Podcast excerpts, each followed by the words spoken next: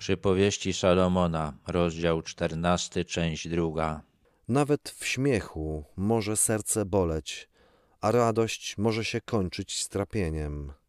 Żyjemy w upadłym świecie, w którym jest więcej powodów do smutku niż do radości. Trzeba mieć tego świadomość i znajdować powody do radości.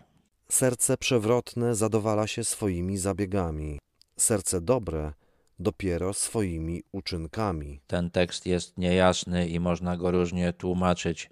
Uważam, że lepsze jest takie tłumaczenie, że niewierny jest zadowolony ze swoich postępków, a uczciwy ze swoich czynów. Są ludzie, których cieszy zło, które popełniają, i tacy, którzy są zadowoleni, kiedy zrobią coś dobrego. Prostak wierzy każdemu słowu, lecz roztropny zważa na swoje kroki. Łatwowierność źle się kończy. To, że ktoś nam coś powiedział, to nie jest jeszcze wystarczający powód, aby uznać to za prawdę i trzeba sprawdzać wszystko, co nam mówią.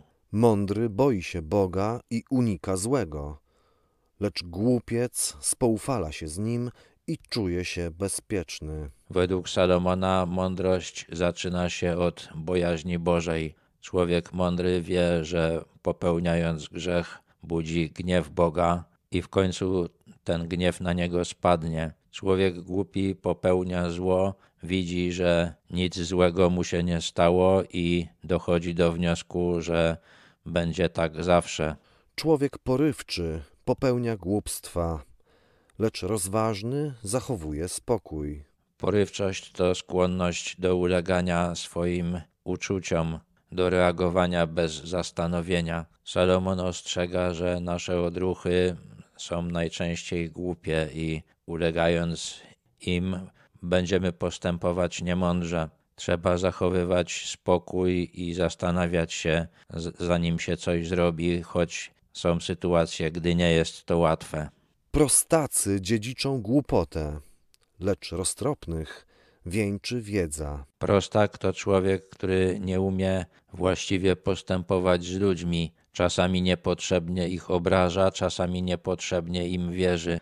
Jeżeli ktoś o takich skłonnościach ma głupich rodziców, to przejmie po nich tę głupotę, ponieważ za bardzo im wierzy. To hebrajskie słowo, które tutaj jest przetłumaczone jako głupota, można też przetłumaczyć jako szaleństwo. Człowiek roztropny umie postępować tak, żeby osiągnąć swój cel. Taki człowiek też osiągnie wiedzę, która będzie przynosiła pożytek. Taka wiedza będzie rzeczywiście powodem do chluby, czymś jakby ozdobą dla tego człowieka. Źli muszą chylić czoła przed dobrymi, a bezbożni stać u drzwi sprawiedliwych. Pomimo tego, że grzech wszedł na świat, nadal dobro jest uważane za godne szacunku i nawet ludzie źli czasami muszą komuś dobremu okazać szacunek, a nawet stać u drzwi, czyli prosić o ratunek czy poparcie. Ubogi jest znienawidzony nawet przez swojego bliźniego, lecz bogaty ma wielu przyjaciół. To słowo, które tutaj jest przetłumaczone jako bliźni, można też przetłumaczyć jako najbliższy. Natura ludzka jest taka, że nawet ludzie najbliżsi, nawet rodzina nie chcą często pomagać temu, kto znalazł się w potrzebie.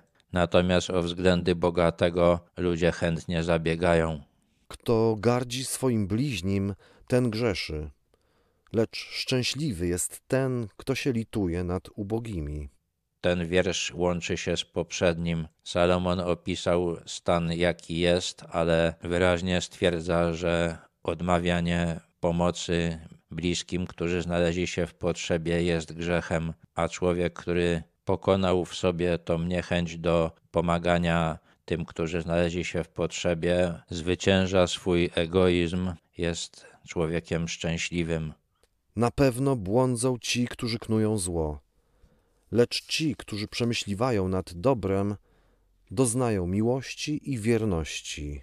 Kiedy Salomon to pisał, na pewno uważał, że dobre więzi z innymi ludźmi są warte dużo więcej niż pieniądze. Wierność i miłość są objawami wdzięczności za dobro, którego ktoś doznał od człowieka, który myśli o dobru. Ten, kto popełnia złe czyny, nie może tego doświadczać i zdaniem Salomona popełnia głupotę.